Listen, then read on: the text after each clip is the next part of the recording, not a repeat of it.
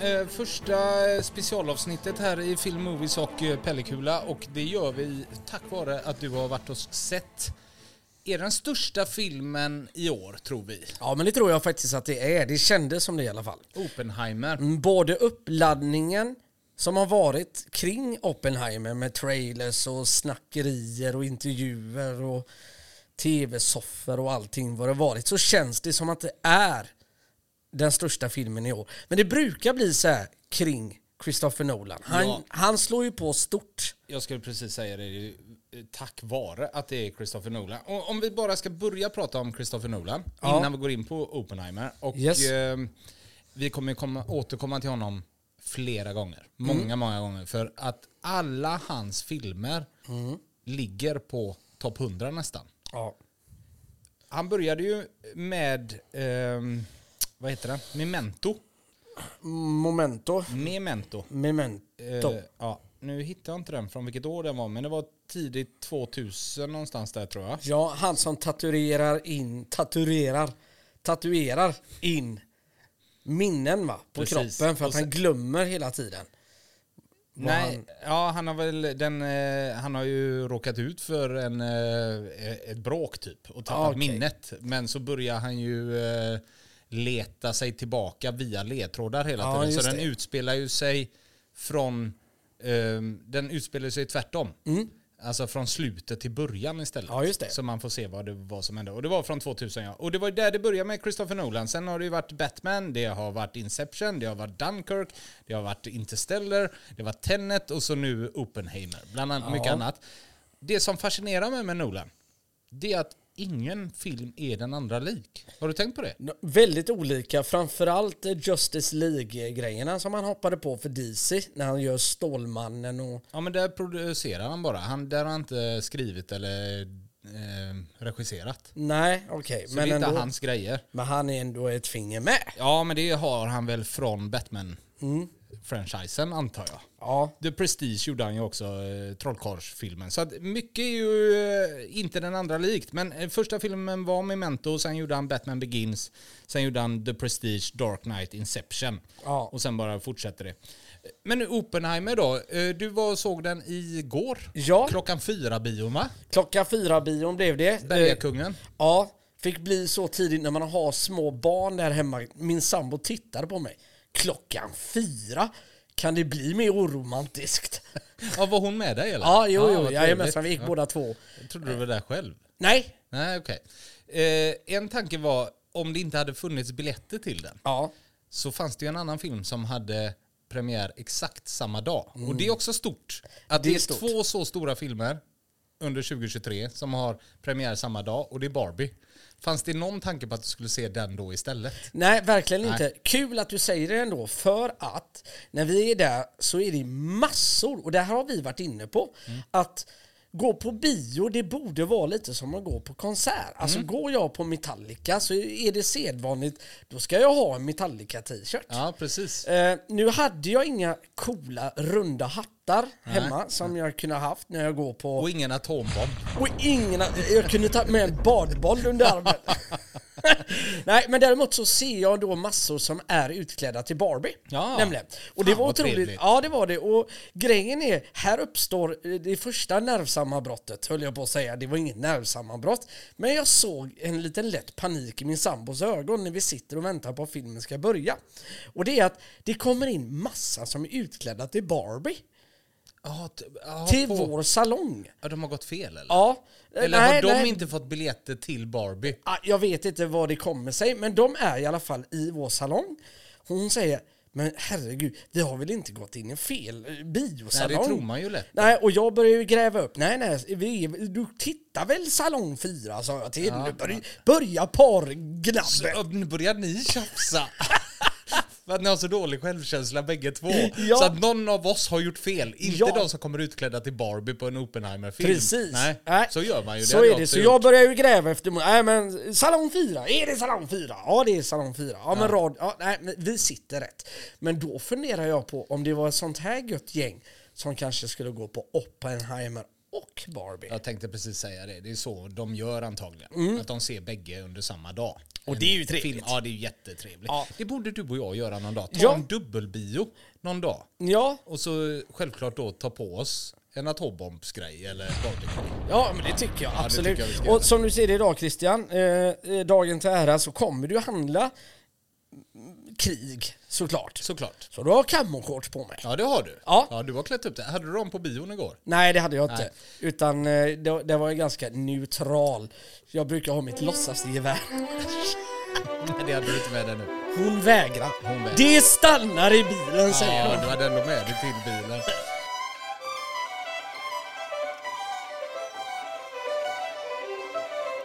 Du, en första fråga. Det är Cillian Ja. Murphy som är huvudrollen, som Ja. spelar Oppenheimer. Ja, Jag klarar ju inte av den människan. Nej. Jag, jag gillar honom inte på film. nej. Kommer jag tycka om Oppenheimer?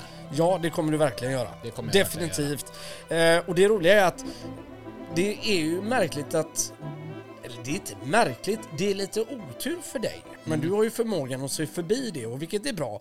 Att du inte kanske är så mycket för Cillian Murphy, för det här, jag tror det är typ sjätte samarbetet de Ja. har tillsammans. De har gjort eh, Batman? Batman Begins, The Dark Knight, Inception, The Dark Knight Rises och Mm. Dunkirk tidigare ihop. Ja, precis. Men detta är första gången han har huvudrollen.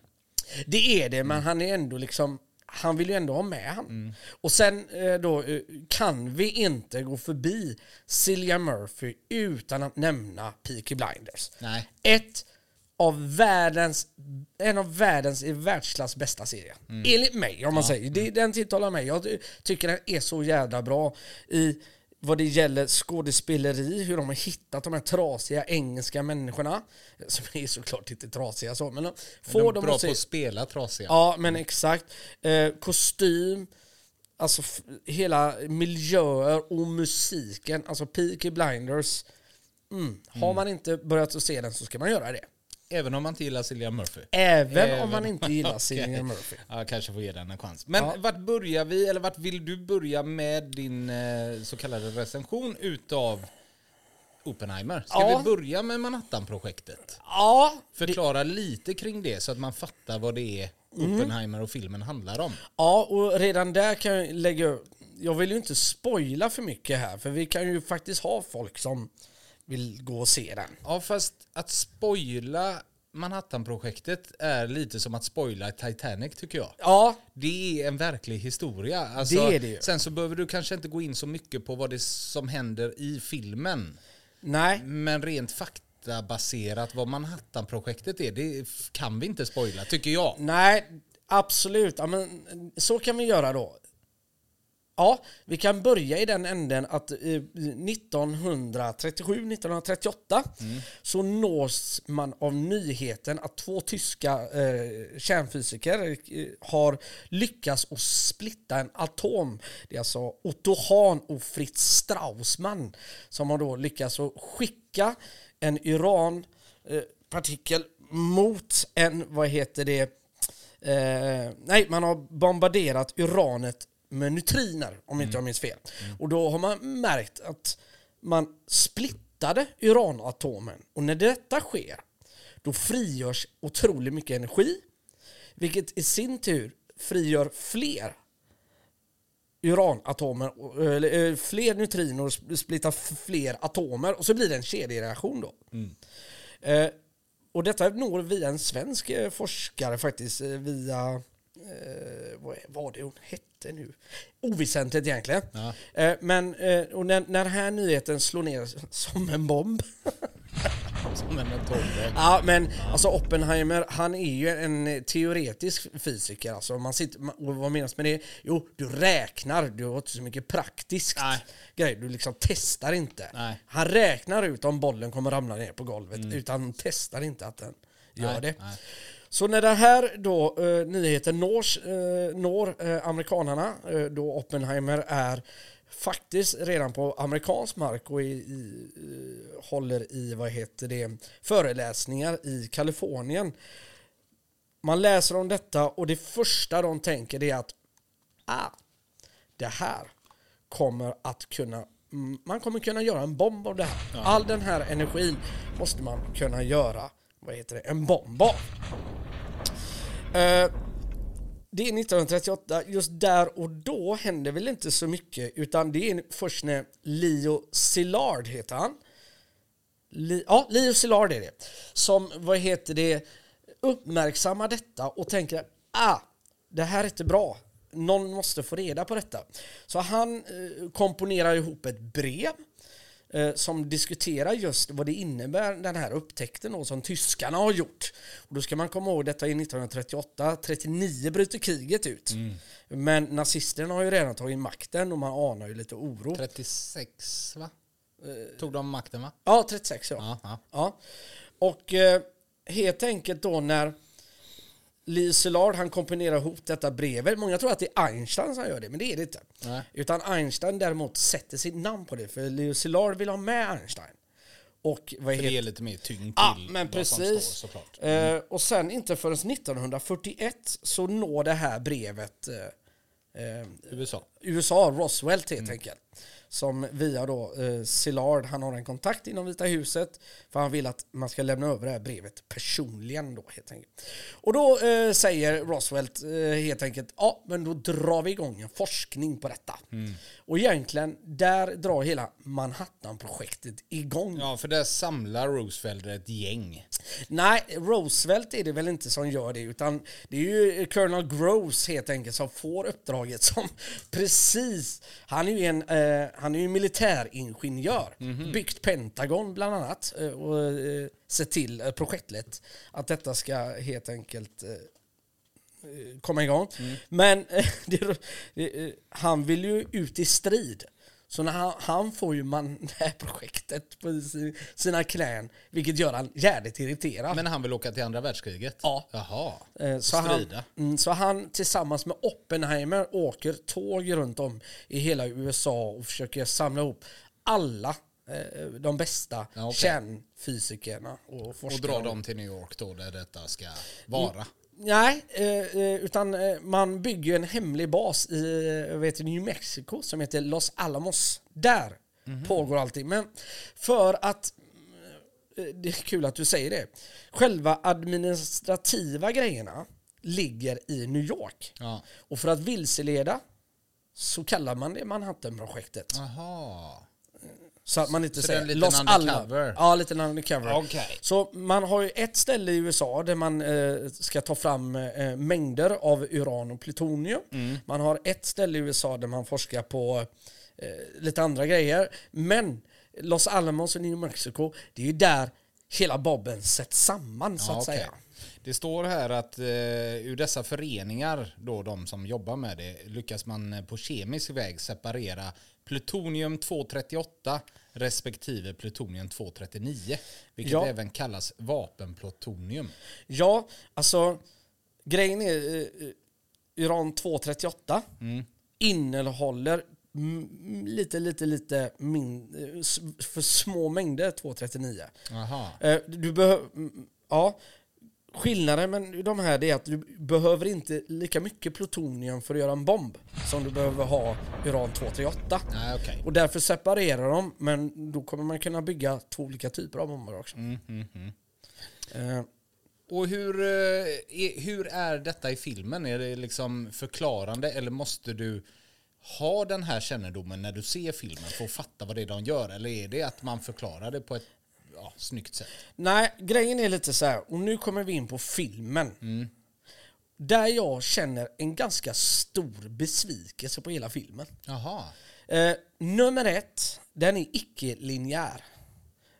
Vilket betyder då, om man inte hänger med i de termerna i filmvärlden, det är att det är inte från början till slut. Nej. Utan det den hoppar, i tiden liksom. den hoppar i tre olika grejer. Är det tre tidslinjer man följer? Eller Ja. är det att den hoppar mellan Den första timmen är det det. den första timmen? Är det? Ja, Okej. för att det är, man kan säga att det är tre historier. Och grejen är så här, då får man tänka så här, ja, men hur, tänkte du John? Den heter Oppenheimer-filmen, den heter inte Manhattan- Manhattan-projektet. Vilket heter rätt. Så filmen är fokuserad väldigt mycket på Oppenheimer. Ja, okej. För jag har alltid tänkt att man har döpt den till Oppenheimer för att det är ett så jävla bra namn. Hade han hetat Davids Ja, så hade man inte döpt den till Davids. nej, utan den Då hade är... man döpt den till något annat antar jag. Men Oppenheimer är ett bra namn att döpa en film till. Ja. Men det är också för att man följer då Oppenheimer mest eller? Ja, Ja okej. jajamensan. Sen är ju alltså 80% av hela fokuset på filmen är ju kring detta projektet. Mm. Det är ju det det handlar om. Han kallas ju atombombens fader. Ja. Och det gör man ju inte, inte utan anledning. Nej. Sådär, va? Men det är ju verkligen från när han går i skolan i England som en väldigt ung grabb. Eh, Och redan där träffas, träffar Niels Bohr, en otroligt känd eh, fysiker. Mm. Eh, nämligen. Alltså man får, alltså okej. Jag har ändå Som spelas av Kenneth Brannigan. Ah, snyggt. Ja. Men jag har nog alltid trott att man, eller jag har nog trott att filmen handlar mer om hela det här projektet. Men då är det liksom Oppenheimers barndom och hur han blev den han blev. ja. Jaha. Ah. Men eh, återigen, nu låter det som en biografi. Ah, det är det inte riktigt heller. Det är, alltså, det är otroligt mycket om Manhattan-projektet. Men vad är du besviken på? Nej, jag vill, alltså det var så mycket som de kunde ha haft med som inte kommer med. Och det är bara Ja, okej. skickas förbi. Så då till min fråga så måste du kunna rätt mycket om Manhattan-projektet och sånt innan. För annars kanske man inte fattar allt eller? Jo, det tror jag man gör, men man kanske inte lägger så mycket fokus på det. Hänger du med? Ja, okej. Så k- har man inte koll på Manhattan-projektet så tänker man inte ens på det. Nej. Men du som har så bra koll på sånt här eh, saknar saker. Jag saknar ju typ kanske 97 procent. Ja, det är så pass mycket. Enligt mig. Men eh, Camilla då, som eh, min sambo, som kanske inte är så insatt eller Nej. intresserad. Inga problem för henne. Hon tyckte det var en 100% i rulle. Ja, okej. Så att, eh, och hon fattar, eh, hon fattar, det låter ju hur konstigt jag pratar om henne, men du, du hänger med vad jag menar. Hon hade inga problem med de här detaljerna, alltså allting är ganska glasklart ändå. Ja, okej. Vad som händer och så. Men det, det är så mycket omständigheter som jag tycker är så sjukt intressant. Som fram, tänk, ta en sån här grej då som att när man då lyckas klyva detta, mycket riktigt så drar ju tyskarna igång det här projektet med att försöka göra en bomb. Och det är Werner Hans Heisenberg som eh, driver det projektet. Heisenberg, var känner vi igen det ifrån? Från eh, Breaking Bad. Jajamensan, det är därifrån Walt har fått sitt namn. Eller han tar det därifrån. Men då sätter de igång forskning och problemet är egentligen eh, som genomsyrar hela Manhattan-projektet. Vad problemet är, det är att beräkna, beräkna mängden uran du behöver ha för att kunna få en lyckad kedjereaktion. Och det är megasvårt att, att, att, räkna ut. Framförallt då vilken typ av explosion som behöver göras för, för att det ska aktiveras. Så att tyskarna, utan att amerikanerna vet det såklart, de överger det ganska snabbt, det här projektet. För de har inte tid med egentligen Nej, att för- göra en sån här grej. Nej, för Och precis... inte pengar heller, antar jag. Nej, och eh, eh, till, till då världens kanske fördel då så är det ju nästan alla de här fysikerna, de är ju judar. Och Hitler, han är inte så mycket för det. Nej. Så han tycker det är bara på grejer och tänker att nej, fokusera på annat istället. Ja, han och ska då, ju ta över världen. Det är Ja. ju...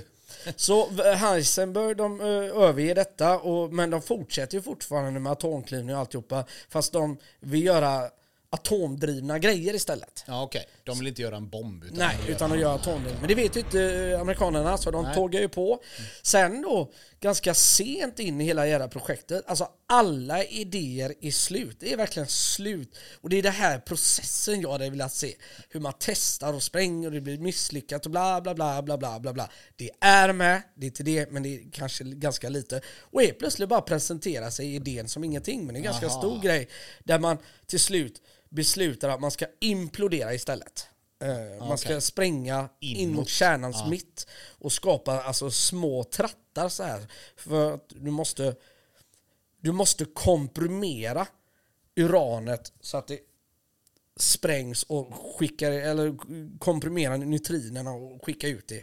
Nu blir vi väldigt detaljerade här. Inte vi. Du. Jag. Ja. Förklaras det någon gång varför den här svampformade röken kommer efter atombomben? Nej, nej, faktiskt inte. Jag har nog aldrig hört en förklaring för det. Nej, inte jag heller. Och det var lite därför jag ville veta. Ja, ja, ja. det blir det. Nej, så att, men eh, i alla fall, så eh, det är hela den här med bygga bombprocessen som Ja. jag hade velat se mer av. Ja, det är klart. Det var med det bara.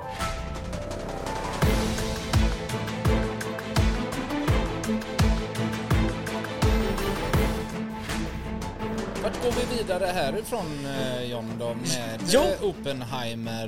Eh, Sett till film, jag, jag tror många med mig vill veta ungefär hur du ställer dig. Du har sagt att du är besviken, men i sin stora helhet, vad, vad säger du? Nej, men den är ju en mastodontfilm och vi diskuterade lite i bilen du och jag Christian på vägen hit. Att du hade suttit och kollat på Saving Private Ryan. Ja, för den ska vi ju gå igenom snart. Ja, och då eh, snackade du om ljudet och jag säger bara det. Alltså det är sånt ljud i den här filmen så att jag höll på att svimma stundtals. Där hade man ju full, fallit platt om man inte har ett maffigt ljud i en film som handlar om atombomber. Ja, absolut. Och en intressant grej här, det är ju Ludvig Göransson tror jag som gör eh, musik och ljud här. Det vill jag komma till också. Ja. Är han den nya John Williams? Ja, det verkar bli så. Och då var man överens, jag ska bara eh, slutföra det. Då är man överens, och det tänkte jag inte på för jag läste det som en liten kuriosa efteråt. Men det stämmer. Och det är inga trummor med i hela filmen. Nej.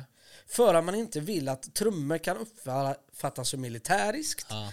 Och då vill man inte göra det så militäriskt utan mer forskaraktigt. Framförallt kanske virveltrumman. Ja. Det är mycket militär. Ja, men det Ja. är det. Absolut. Och, och när man kommer då till filmen så tycker jag att man bygger en så otroligt fin relation mellan Oppenheimer och General Groves.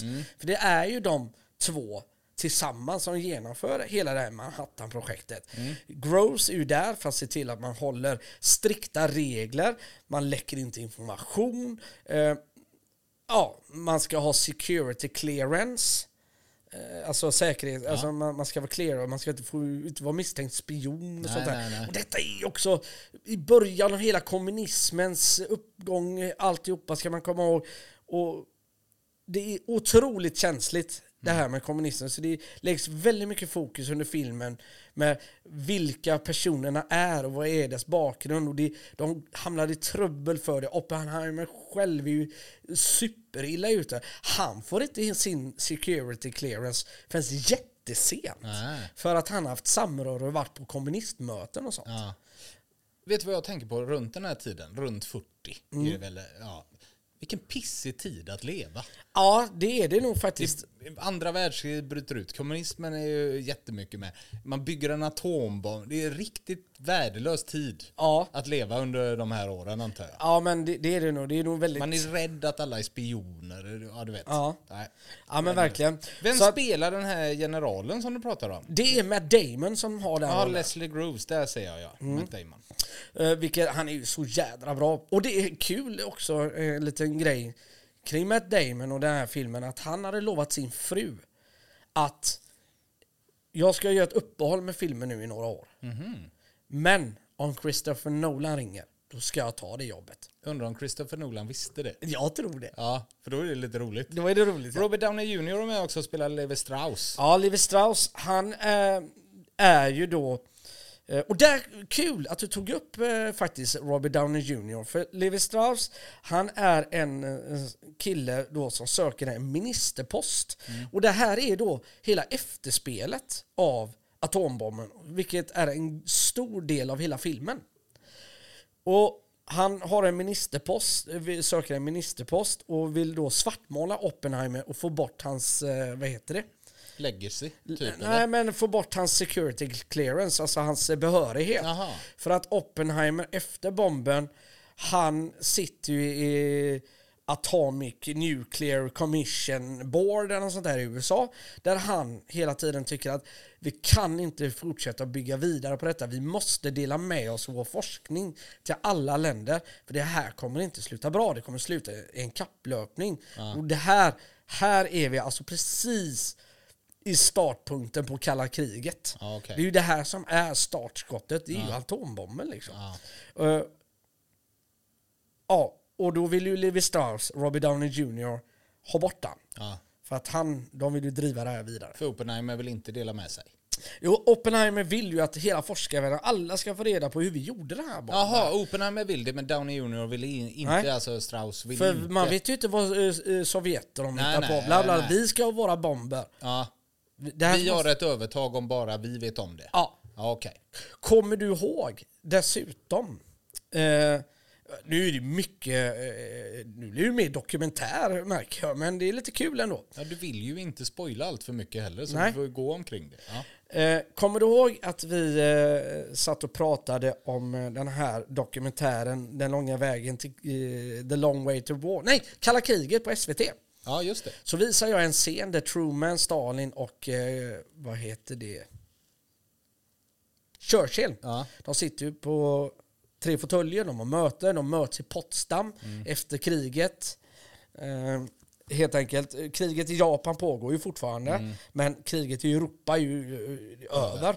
Och då träffas de där och hela äh, Manhattan-projektet kulminerar ner till den tidslinjen till att bomben måste vara klar och testad innan detta mötet. Och Trinity. Trinity-bomben, som den heter då, den första, absolut första bomben. Den släpps klockan halv sex på morgonen i USA. Eh, Och sen bara några timmar senare så träffar Truman Churchill och Stalin då han kan med gott samvete säga att vi har en bomb. Just det. Så att han går in med S i rockarmen till det mötet, Ja. eh, Truman. Ja, just det. Dock så har ju Stalin haft en engelsk spion där, Fawkes heter han. Mm. Så har man läckt information, så han har ju ganska bra koll på detta redan. Han blir inte chockad direkt Nej. när Truman sitter där och Nej. dallrar med benen på sin stol. Nej, så. nej, nej. Så att, eh, jo, men och tillbaks till filmen då. Och där har vi de tre olika tidsgrejerna. Mm. Det är ju lite om hans barndom. Och hela filmen, den är ganska eh, jävligt rappt klippt. Det känns nästan som en en timmas lång sammanfattning, en trailer, i början. Innan det börjar sakta gå över till vad då som ska vara, vad heter det? Crescendot. Ja, nutid i filmen så att säga. Under hela Manhattan-projektet. Och sen som... Men då får du också se framtiden och det ser man i svartvitt, vilket är jävligt snyggt. Och när du sen får se dem i tidslinjen, den senare grejen med när Oppenheimer sitter i förhör, då går du över till färg och då vet du att då har filmens tidlinje den kommit kommit- ikapp det vi har sett. Ja, det är snyggt som Ja, det är så- satan ju. Och det är det jag säger, och det är lite det jag vill komma till. Det är att, nog för att jag hoppar lite, jag, det var så mycket information och jag var inte vad jag förväntade mig. Nej. Eh, vad jag skulle se. Det är därför jag var lite så här, "Ah, vad hände? Men hur han sammanflätar allt detta, det är så jädra snyggt. Så det är helt löjligt. Tre timmar lång. Tre timmar kändes inte som det. Nej, var det så? Ja, Och den eh, låter som att den har ett andra hans... Eh, alltså man ska se den en gång till. jag ska se den en gång till, på bio. Jaha. Nämligen för att jag fick inte tag i IMAX-biljetter. Nej, just det. För den är ju filmad på ett speciellt vis med de här 70 mm IMAX. Och de är så här, det finns sju kameror i hela världen. Två gick sönder under Oppenheim-spelningen. eh, för ett fasligt liv, så allt ljud är ju pålagt i efterhand. Ja, ja, ja. Eh, för det går inte att eh, föra en konversation. Låter den så mycket? Ja, det låter så mycket kameror. Eh, ska vi få in denna på... Eller vill du ha mer innan vi avslutar Oppenheimer-specialen här idag? Nej, jag Vill du få in något annat som du känner att vi har missat? Eh, nej, jag, jag tycker... Jag kan fråga en sista grej bara. Ja. Emily Blunt Ja. spelar frun, antar jag, Kitty Oppenheimer. Hon är fantastisk. Åh, suverän är hon. Är hon lika bra i den här filmen som alltid eller? Alltså hon är så jävla bra. Och sicken rivig kärring. Alltså, är hon det? Ja, För fasiken vad bra hon är. Är hon en motpol eller är hon en samarbetspartner till Oppenheimer? Eh, hon är en väldigt samarbetspartner. Ja, okej. Skulle jag vilja påstå. Eh, faktiskt. Ändå. Ja, jajamensan. IMDB-betyget som Ja. vi lite går efter är 8,7 nu. Mm. 196 000 är det som har eh, betygsatt den. Ja. Eh, 2900 personer har gett den en etta. 500 har gett den en tvåa. Oj. Ja. Medan 88 000 har gett den en 10 och eh, 53 000 har gett den en 9. Så är betygen idag. Ja. Den här, eh, jag vet inte vad har vi för datum idag? 28 juli är det. Ja. Eh, 8,7 som sagt, det gör att den ändå går in på typ topp 20 tror jag. Gör den det alltså? Ja. Eh, jag ska Ja. kolla Det här, men du förvånar kan- mig dock inte för att om man, min sammanfattning då är bild och eh, vad säger man? Bild och scen, scen och bild. Mm. 10 av 10. Ja, okej. Ljud 11 av 10. 11 av 10 ändå. Ja. ja. Eh, sen manus, där går jag nog ner till 7 av 10. Jaha. Ja. Jag, mm, jag, Du är lite besviken på vad de tog med och inte. Mm. Ja. Det som är dock jävligt eh, bra och trevligt i allt detta, det är ju att Nolan har ju liksom alltid med sig, fasiken är det han heter nu, Kai Bird, som har skrivit boken Oppenheimer. Det är ju det den baseras på. Och han har även gjort massa dokumentärer om det här. Så att de har ju ett väldigt fint samarbete. De åker tillsammans ut till inspelningsplatser och sådana grejer. Så att eh, det tycker jag, och det, genom, det, det ser man. För den är otroligt välgjord och det är små detaljer som är så snyggt i filmen. Som att när de kommer in i Los Alamos till det här, vad heter det? Och stället de på. Stället, Stä- inhägnaden, lägret höll jag på att säga, men för Ja. ingen får ju lämna. Typ. Nej. För, ja, på grund av säkerhetsrisken då. va. Då kommer man in och det ser man inte för det är inga dialog som förs. Men det står en kvinna som är vakt där. Med krulligt hår. eh, Och släpper in dem, eller sköter bommen och sitter i båset. Och det var en kvinna som hade det jobbet i verkliga livet. Ja, ja. Eh, nämligen. Och det är sådana små Det detaljer. jag- fascinerar dig. Jag tycker jag är lite... Men det, det, för mig blir det att man har tagit väldigt, väldigt mycket detaljer på allvar. Hänger du med hur jag tänker? Och det för mig blir väldigt viktigt när man ska få tusen nomineringar. Det, jag vet inte om de har fått det, men du hänger med. Oscarsnomineringar och Ja. annat menar du? Ja, Ja. okej. Ja. Hänger du med? Det är att Ja. man har en kvinna där det satt en kvinna i verkligheten. Ja. Ja. Nej men sådana små detaljer för mig när man berör historiska händelser blir jävligt, eh, tycker jag är snyggt att man har tänkt på det. Mm. Ja, jag håller med. Och det lägger jag ett eh, stort värde i. Eh, tanken är ju att du ska placera in denna på våran lista. Ja. Och sen när jag ser den så ska vi ta upp den igen. Du kanske ska se den igen då på IMAX-biografen. Ja. Och så eh, kanske ändra det sen. Men vart vill du in med den på våran lista idag? Idag ligger den på 20 plats. Den petade faktiskt ner Seven ifrån 20 plats. Oj, okej. Ja, den ligger nog så pass högt. 8,7. Den har samma betyg som Gökboet, Maffiabröder, Matrix, Rymdimperiet slår tillbaka. Bara för att sätta den i någon kontext. Ja. Det är ju så en helt annan film än vad Rymdimperiet slår tillbaka. Men den är ju legendisk i sig. Ja, ja. Men, Men, vart eh, vill du ha in den eh, på, en, eh, på eh, lista? Ja, men jag slänger in den på typ 15, tycker jag ändå. 15? Ja, jag tycker den kommer så högt upp ändå för mig. Mm. Det gör den. Jag skriver in 15 på Oppenheimer. Men, och sen är det också, alltså, eh, det som är så kul, de har ju fått med så otroligt mycket bra skådespelare. Man tror inte det är sant när man ser det ibland. Eh, men det är Cillian Murphy, Matt Damon, Emily Blunt, Rami, Rami Malek är med. Han är också med ja. Ja, han har en ganska eh, liten roll under hela filmen Ja. och sen slår han ner som en jädra bomb. Där han är, ja, har otroligt eh, stor roll i hela eh, Oppenheimer-historien. Sånt är jag så svag för när man tar en sån stor skådis, som första en film som är tre timmar. Mm. Ja. Han är bara med då och då. Han liksom bara figurerar runt omkring hela Ja, tiden ja. i kanske två timmar. Och sen så kommer en sån betydelsefull scen och då kommer han och bara sätter tyngd på allting. Om Ja. du förstår vad jag menar. Ja. Och då fattar man, ah, Det är därför de har kastat han till just den rollen. Liksom. Mm, Sånt är man ju svag för. Ja, verkligen. Eh, men eh, vi lägger in den på 15 platsen och så tar vi det därifrån tycker jag. Och så ska jag också se den och så får vi utvärdera allt eftersom med det. Ja. Men detta var första specialavsnittet som vi har gjort i eh, podden Oppenheimer. Yes. Kul! Ja, men verkligen. Bra summerat ja. Tack. Tackar vi för idag. Hej då. Hej, hej.